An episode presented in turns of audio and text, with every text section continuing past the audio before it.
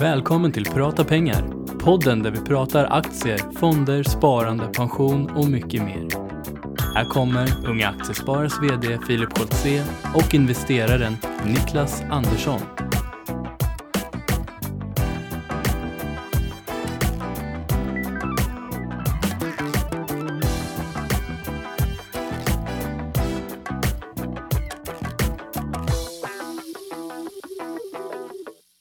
Hej och välkomna till podden Prata pengar. Och hej på dig Niklas. Hej på dig Filip! Hur står det till? Jo, men jag är lite förkyld. Är så, du förkyld? Ja, eller har varit lite krasslig. Så om det är så att jag nyser, Ja. då kan man kalla det för eh, avkastning, eller utdelning snarare.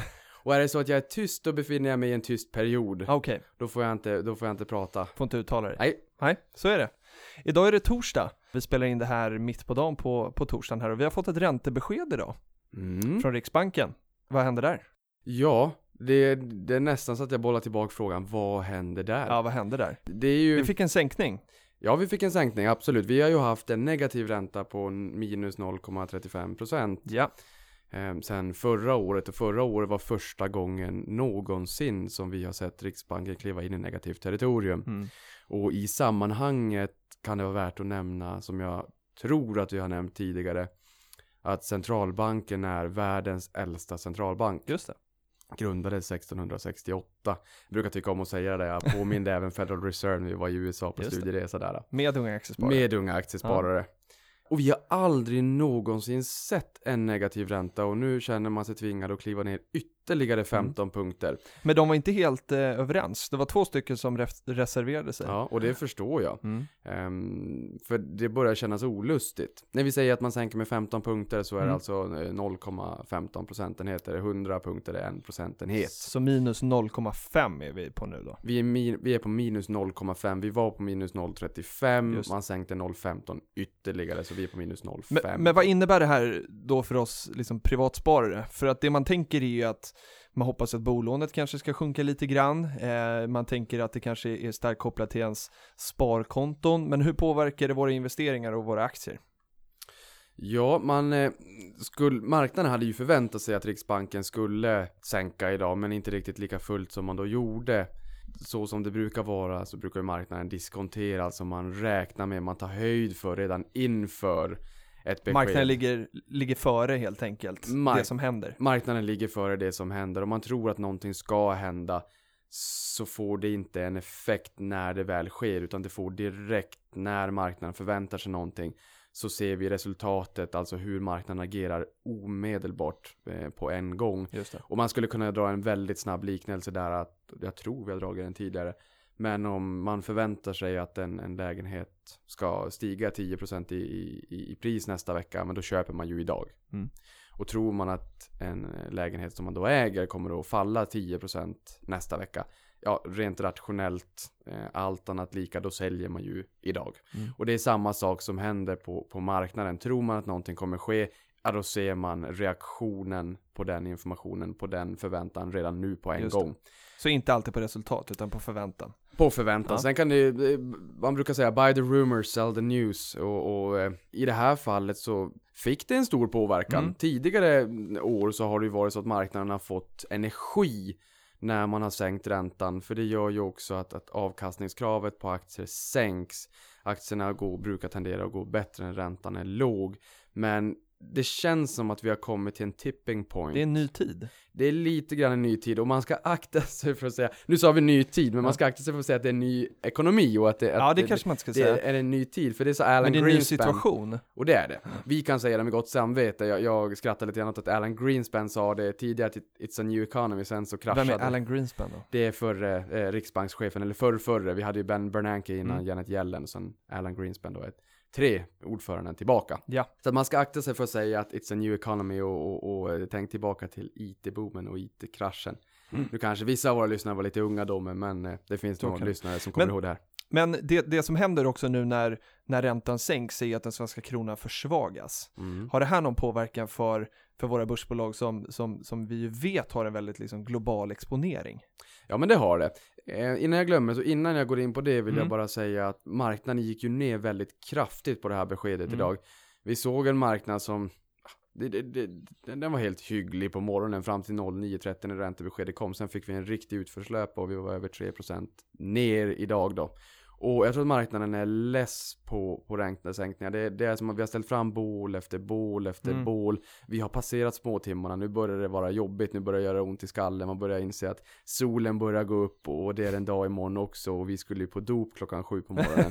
Så att eh, det blir inte riktigt samma effekt. Nej. Nu blir det mer att om det kommer räntesänkningar. Vi fick se 16 december förra året så höjde Riksbank, eller Federal Reserve i USA höjde Mm. räntan för första gången på nio år. Mm. Nu börjar man kommunicera där att man kanske kommer gå mer varsamt framåt. Vi har en eh, expansiv centralbank i Europa och expansiv det är alltså man trycker väldigt mycket pengar, man har väldigt låg eh, räntenivå. Mm. Eh, och Riksbanken känner väl sig kanske tvingade att, att fortsätta haka på där. Europa är en väldigt viktig handelspartner till oss. Mm. Vi handlar väldigt mycket med Norge men efter dem så handlar vi väldigt mycket med Europa och det är viktigt. Tyskland och de här Tyskland som viktigaste då. Och, och sänker dem så, så är det viktigt att våran valuta inte blir för hög. Nej, Eh, och där kommer vi in lite grann på, på Hur det påverkar hur det påverkar. För är det så att man sänker räntan så brukar det ju också tendera till att sänka valutan. mm.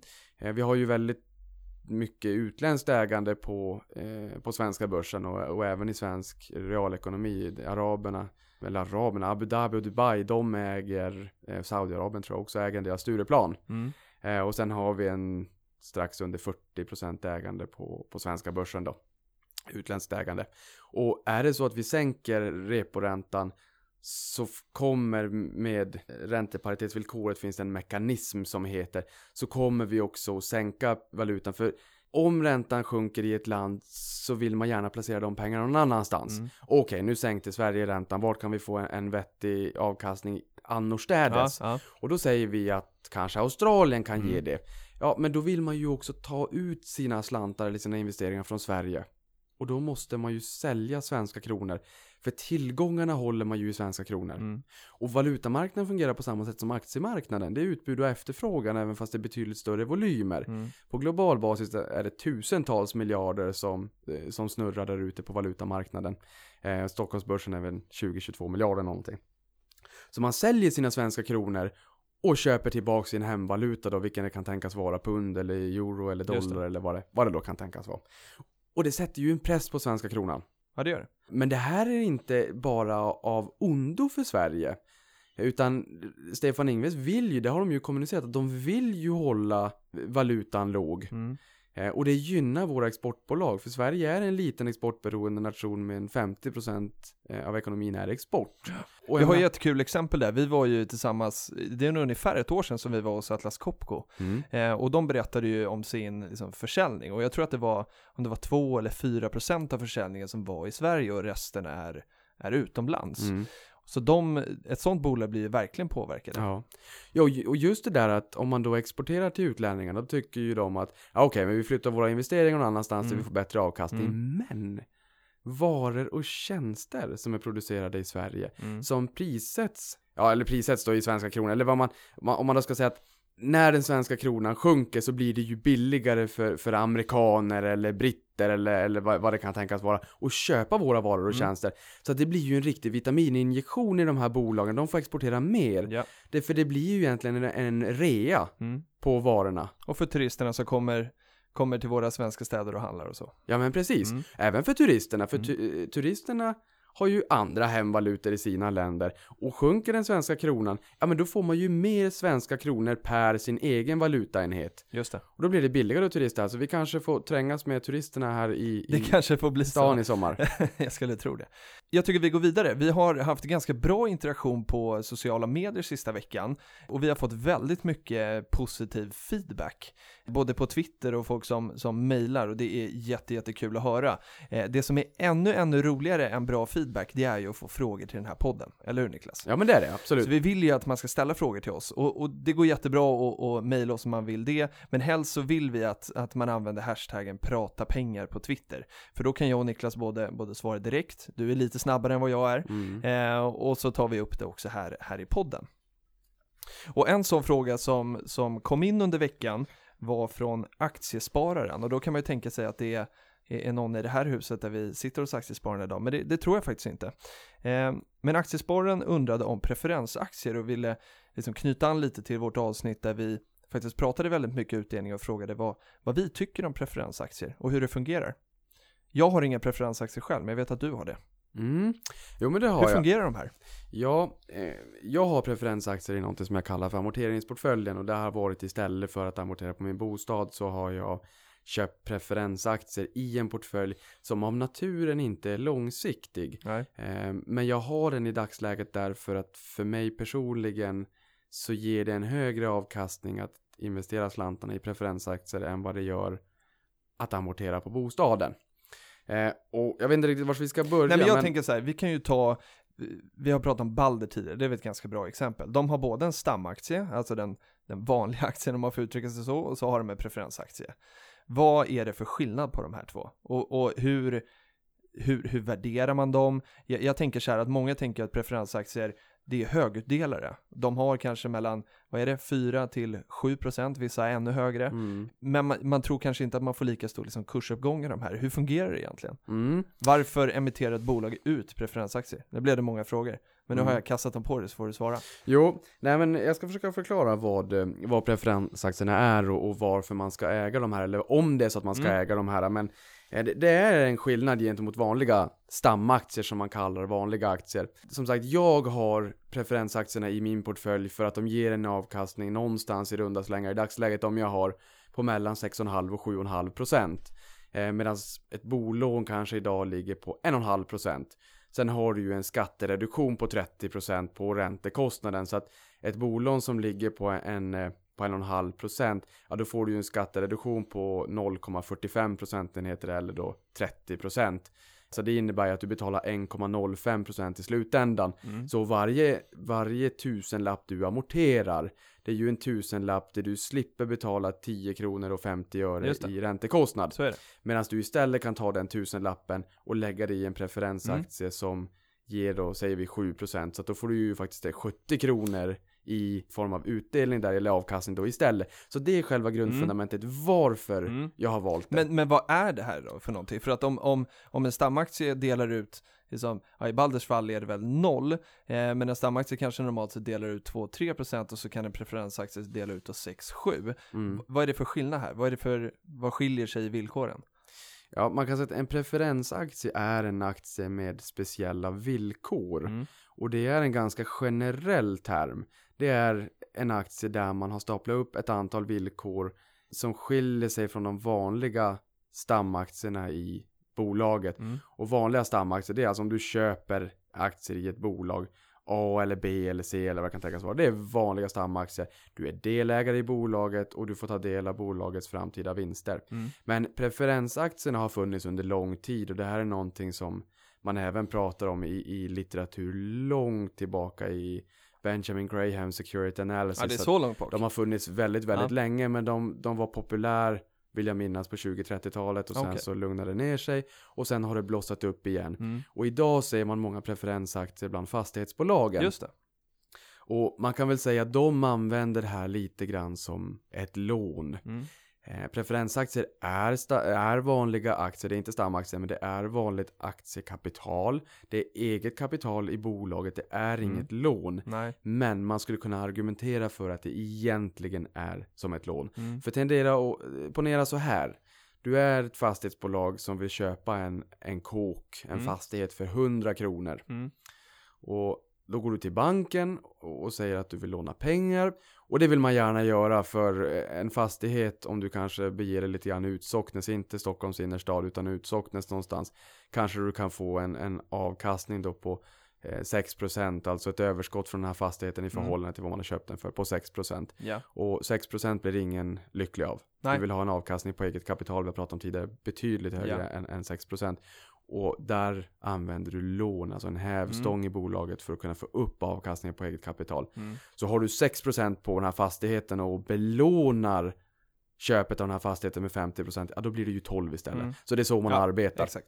Men, då går man till Ja. banken och, och vill köpa den här fastigheten för 100 kronor. Mm. Och då säger banken, ja okej, det ska ni få göra. Och vi kan till och med vara snälla.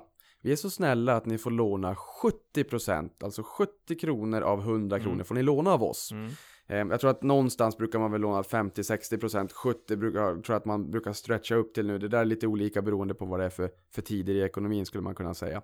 Men de får låna 70 kronor med fastigheten som säkerhet. Mm. 30 kronor måste man lägga in själv.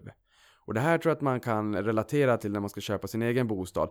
Då vill banken att man får köpa eh, lägenheten men de vill att man lägger in 85, Mm. eh, 15% själv och sen får man låna 85%. Just det. Eh, och det är lite grann samma sak, men man får låna lite mindre när det kommer till, till eh, fastigheter i, inom bolag, för risken är lite högre helt enkelt. Så att de här 30 kronorna, de måste man få tag i någonstans. Och det kan ju vara så att man tar pengar som finns i bolaget, Mm. Kassan. kassan, eller så gör man en form av nyemission. Man ska inte förblanda det här med nyemission, för det är det inte. Men man emitterar nya aktier. Och det är ju nyemission, men den är, det blir under de här speciella Ja. villkoren då. Man noterar nya aktier som heter preferensaktier och då Mm. säger man så här att ni får köpa preferensaktier av Mm. oss för 100 kronor. Villkoret är att ni varje eh, kvartal kommer att få en avkastning på runda slängar, vi sa, vad sa vi, 100 kronor sa för att man köpte för. Man får en utdelning på 10 kronor om året säger vi. Nu är det Mm. ganska högt idag, det är 10 procent. Men Mm. det är bara för att exemplet ska Att vara enklare då. Ja. Eh, och de här brukar ofta ge en utdelning en gång i kvartalet och det Just är det. ganska attraktivt Ja. att få ett stadigt flöde så att säga av Lite den slantar in. amerikanska modellen där då. Ja, de har ju väldigt vanligt att man delar ut då en gång i kvartalet. Men bolagen då, de delar, då får man 10 kronor om året Mm. fördelat på 2 kronor och 50 öre varje kvartal. Mm. Eh, vilket blir då 10% i det här fallet. Mm. Eh, och det tycker ganska många är attraktivt. Det man ska vara medveten om att du är delägare i bolaget så tillvida att det är aktiekapital. Mm. Men du har inte rätt till bolagets framtida eh, vinstökningar. Nej.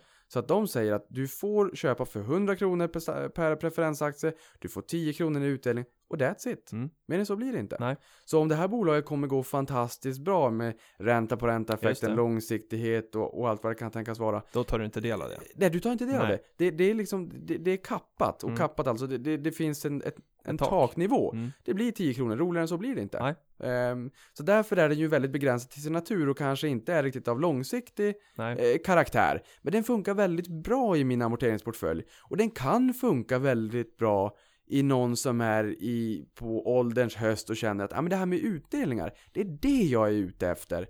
Ja, då kan det vara ganska trevligt att få en utdelning som är ganska hygglig Mm. Mm. en gång i kvartalet. Men det är just det där att den är villkorad så, man får inte ta del av det framtida då? vinster. För man, man pratar ju en del om att, att de, det finns en nivå där bolaget kan köpa tillbaka de här, eller hur? Mm, ja men det gör det. Påminn mig om den. Ja. Jag, nu, nu kommer jag på, bara för att få... eh, Lite flyt. Ja, lite flyt och av, nej, nej men för att avsluta exemplet, för Mm. jag, jag kom av mig. För att avsluta exemplet då, när vi står hos banken här och får låna 70 kronor för att Mm. köpa den här fastigheten för 100 kronor. Ja. Ja, då ska vi ta in de här sista 30 kronorna. Och då gör vi så här, nej Filip, vet du vad, vi skippar kassan. Vi tar och emitterar preferensaktier Mm. istället, visst. Mm. Det gör vi. Det gör vi. Eh, men vi ger 7%. Mm. Eh, Och då gör vi så här att 70% av köpeskillingen finansierar vi med ett banklån som banken ger oss en ränta på 3%. Och sen tar vi och emitterar de sista 30% med preferensaktier som ger 7%. Det är lite dyrare lån då. Det är lite dyrare. Mm. Och där har jag lån. fått frågan tidigare att ah, men 7% det är väldigt högt. Kan de verkligen få lönsamhet i det här? Ja. Mm. Jo då.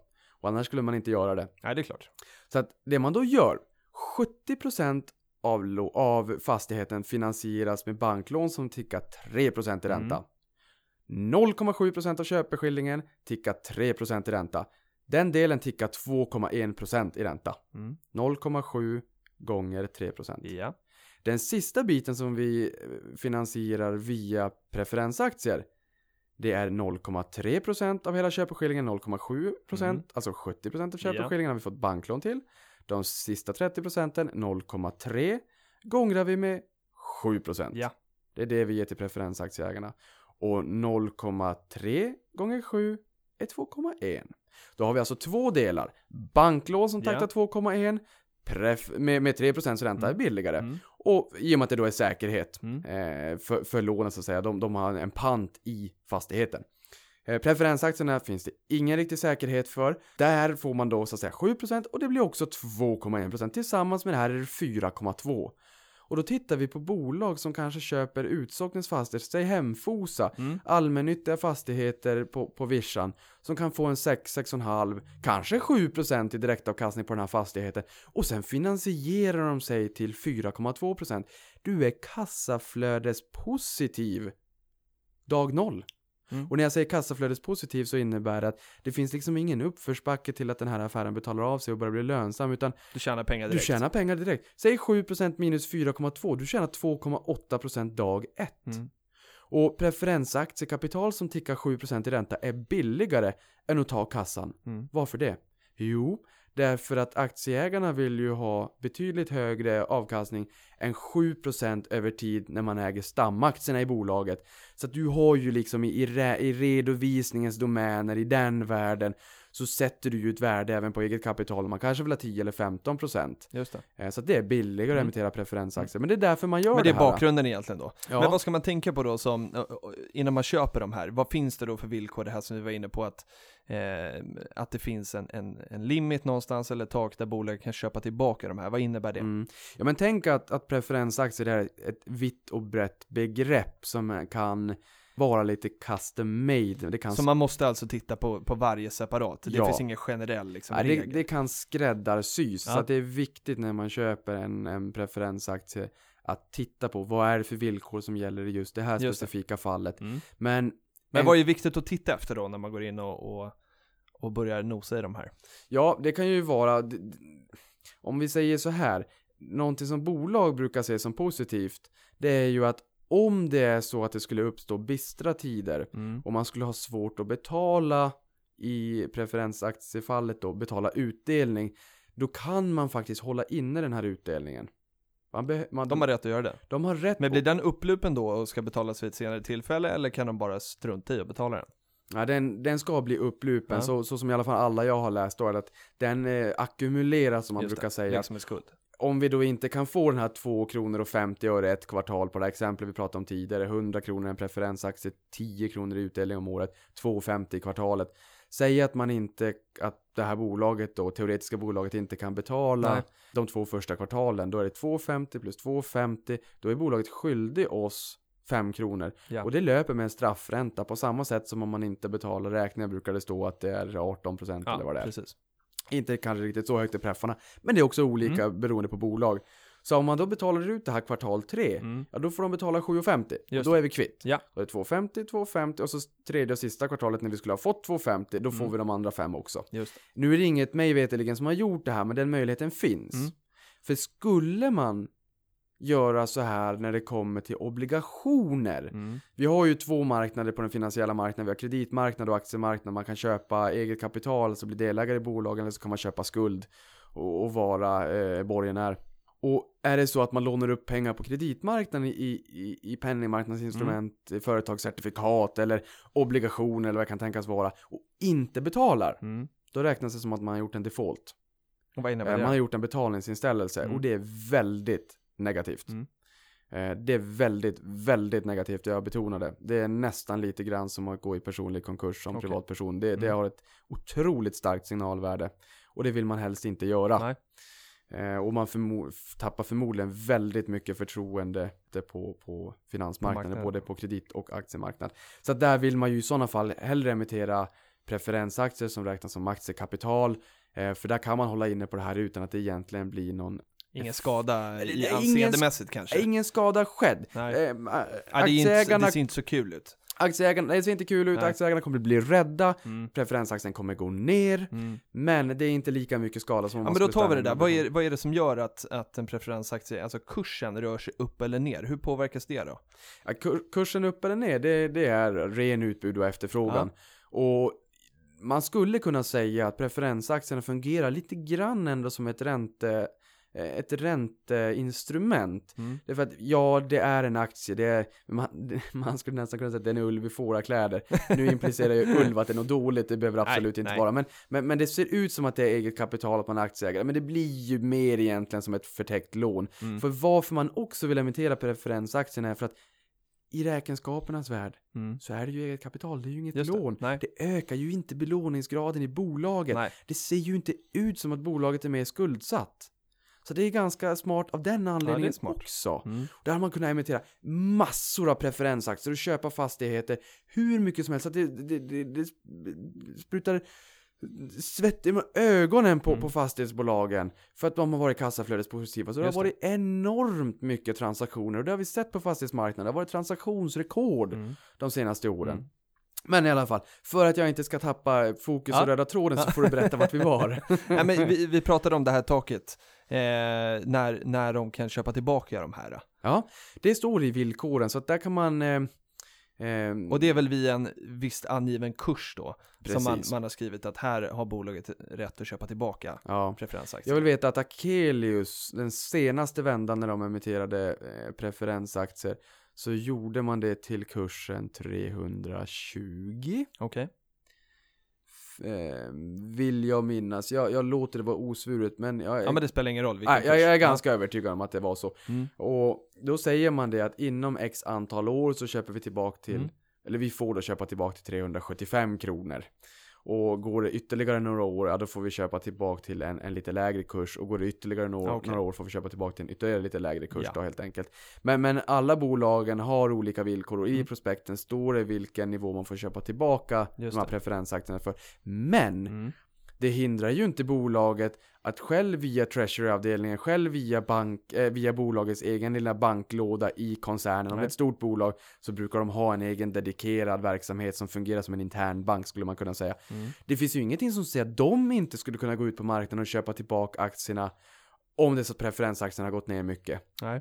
Att de köper preffar själva då alltså? Över Mm. marknaden. Ja just det. Och nu har vi sett att preferensaktier har gått ner väldigt mycket. Mm. finns olika anledningar till det. Dels så är det inte jättehög omsättning i de här i förhållande till vanliga eh, aktier. Säg SCBs aktier som handlades för, för några dagar sedan så är 1,2 miljarder om dagen.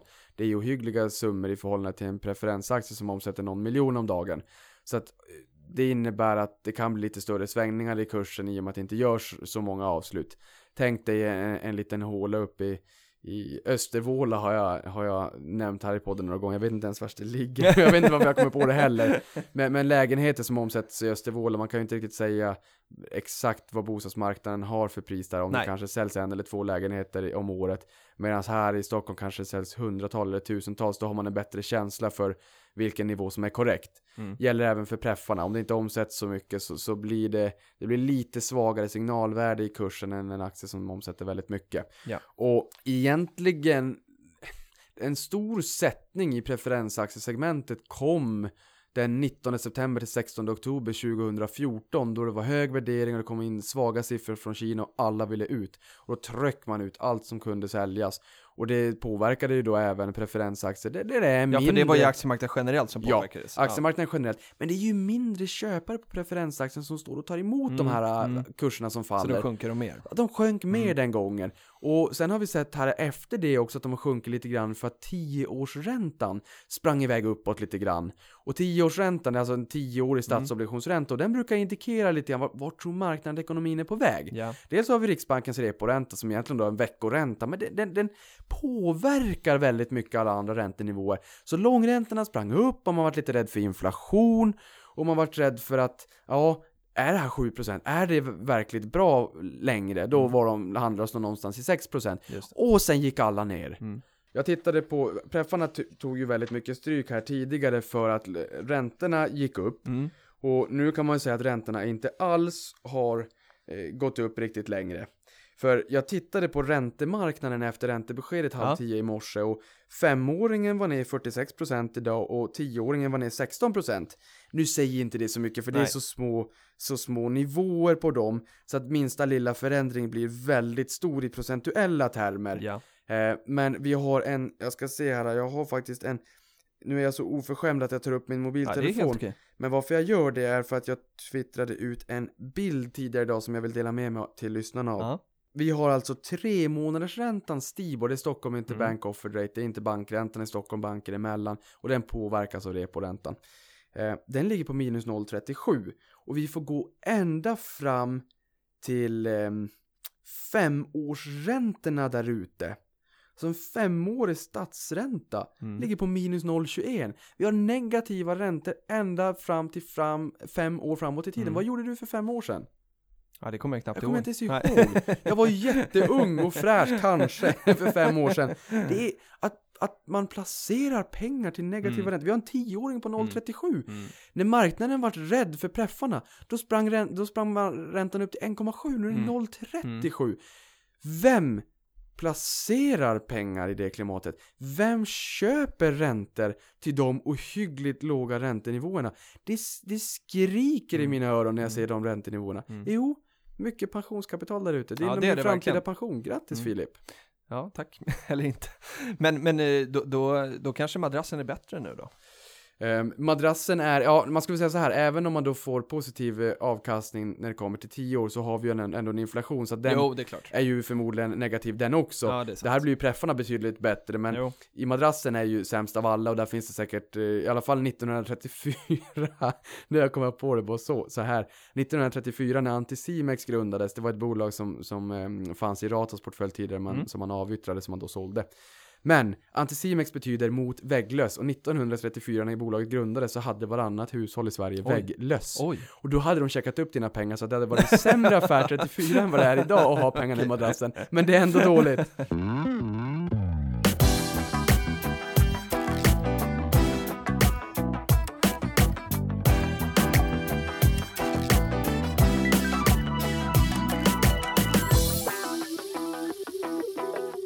Där lämnar vi det tycker jag och vi går vidare till, till nästa fråga. Eh, jag hoppas aktiespararen var, var nöjd med, med ett eh, ganska utförligt svar i alla fall med, med preffarna. Ja, och Men- har ni mer frågor så ställ dem Ja, till vi oss på det. Twitter under Mm. Prata pengar. För jag har även tidigare skrivit ett dokument på preferensaktier som finns Ja. på Unga Aktiesparares hemsida. Så att skriv Vi till kan- oss, då vi kan vi tycker länka. om det. Eh, Nästa fråga som kom in på hashtag prata pengar som du är inne på var Håkan Ganja.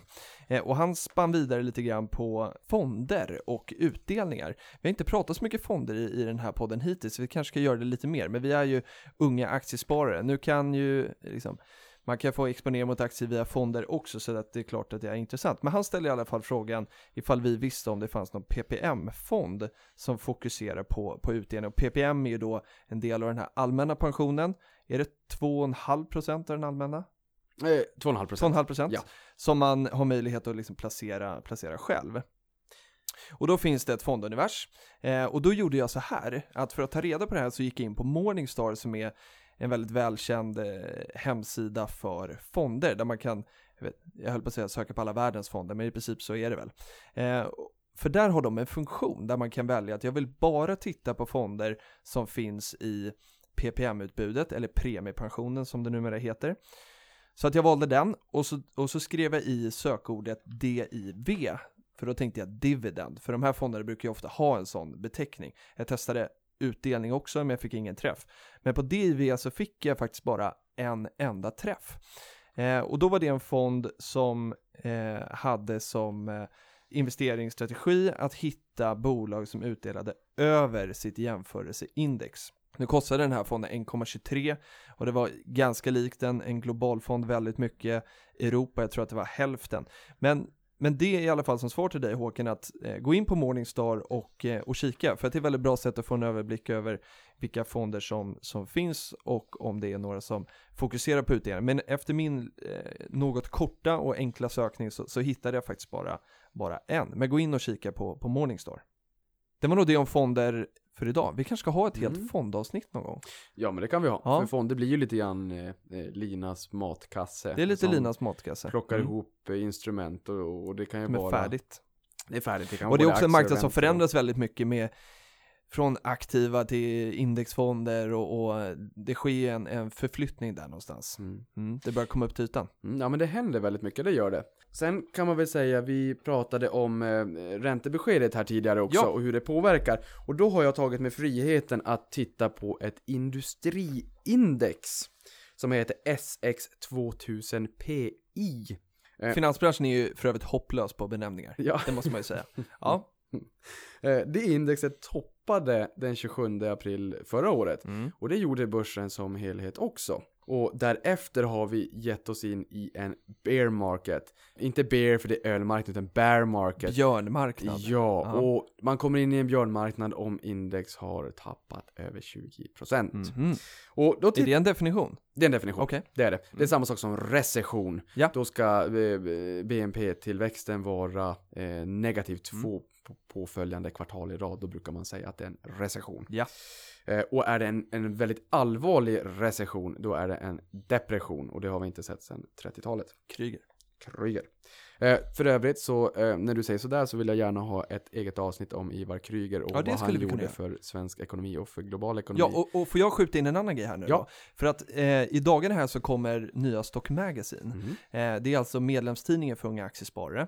Och så den kommer till alla er som är medlemmar, kommer hem i brevlådan snart. Och där finns det ett reportage om historiska finanskriser, varav Krügerkraschen är en av dem, eller depressionen som den, som den också kallades. Okej. Eh, Så alla medlemmar där ute, alla ni 12 114 är vi nu efter januari, eh, kommer få den här tidningen.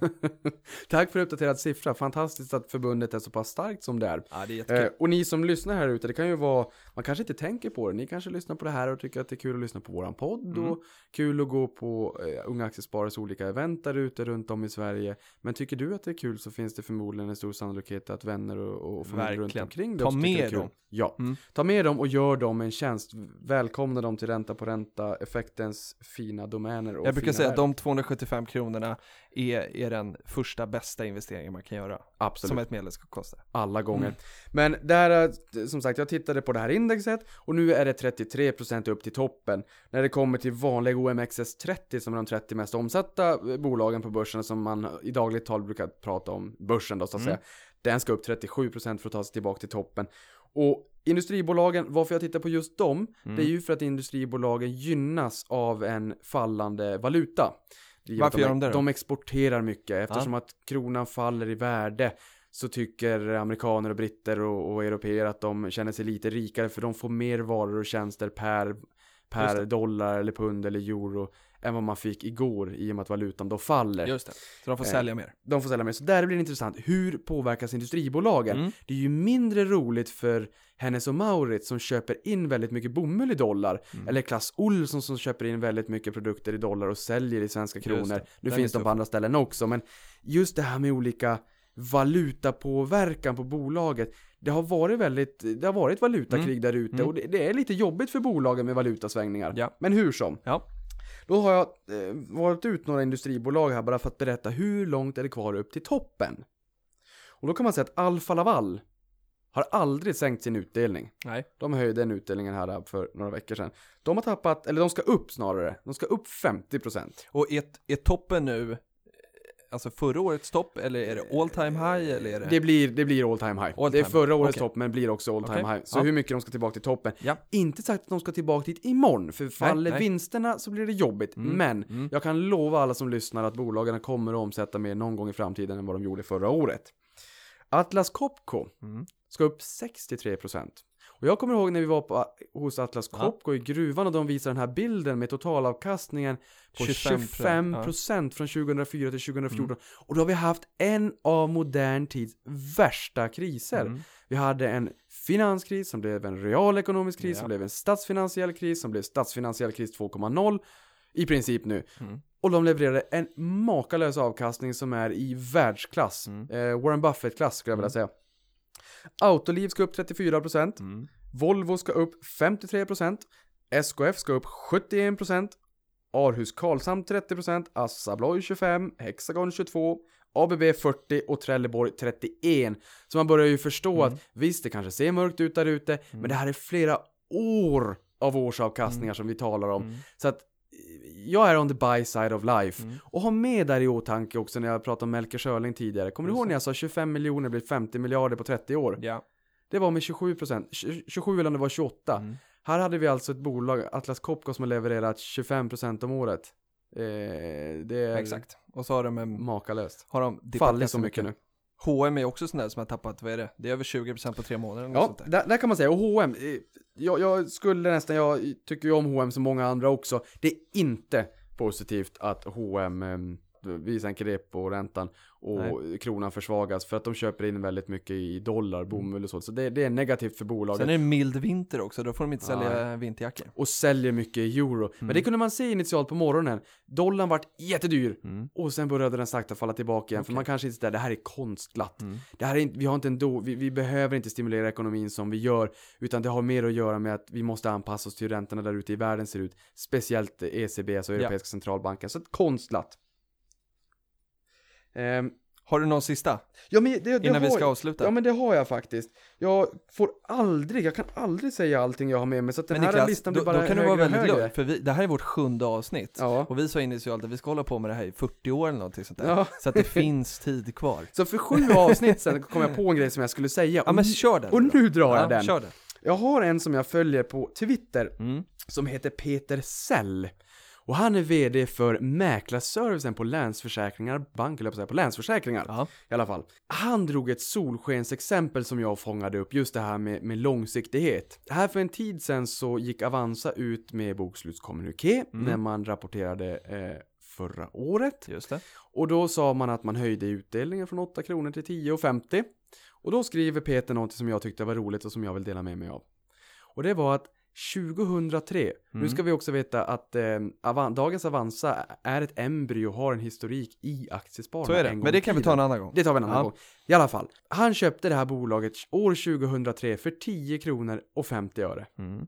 Och nu idag, 16 år senare, så får han en utdelning på 10 kronor och 50 öre. Så hans utdelning idag är lika stor som hela hans investering Mm. i Avanza för 13 år sedan. Det är verkligen en solskenshistoria. Ja. Och kursen gick alltså då från 10,50 till 330 när Mm. han skrev det. Nu ligger den på Ja. ru- runt 300 kronor. Ja. Eh, våga vara långsiktig. En av våra gyllene regler. De ska vi också prata om någon gång. Ja. Sen, och nu har jag en sista grej också. ja. Eh, jag, jag sneglar på Patrik och så snor jag 30 sekunder extra. Det var så här att vår kollega Frida Wallin, eh, som jobbar med Ung Privatekonomi, de intervjuade vi ju här i, i det andra avsnittet. Hon skrev på den här Facebookgruppen Tjej som gillar aktier, att det vore inte jättekul om vi kunde ses några stycken och, eh, eh, och prata aktier. Så det gjorde hon igår tror jag att det var. Och då var det en av de här eh, som hon träffade på plats som lyssnade på vår podd och hade sagt att Niklas var fantastisk. Han är då den nya Günther Mårder. Var inte det kul feedback? Jo men det var kul, jag har ju äntligen kommit ut ur garderoben och, och sagt att jag är en aktienörd, vi är aktienördar.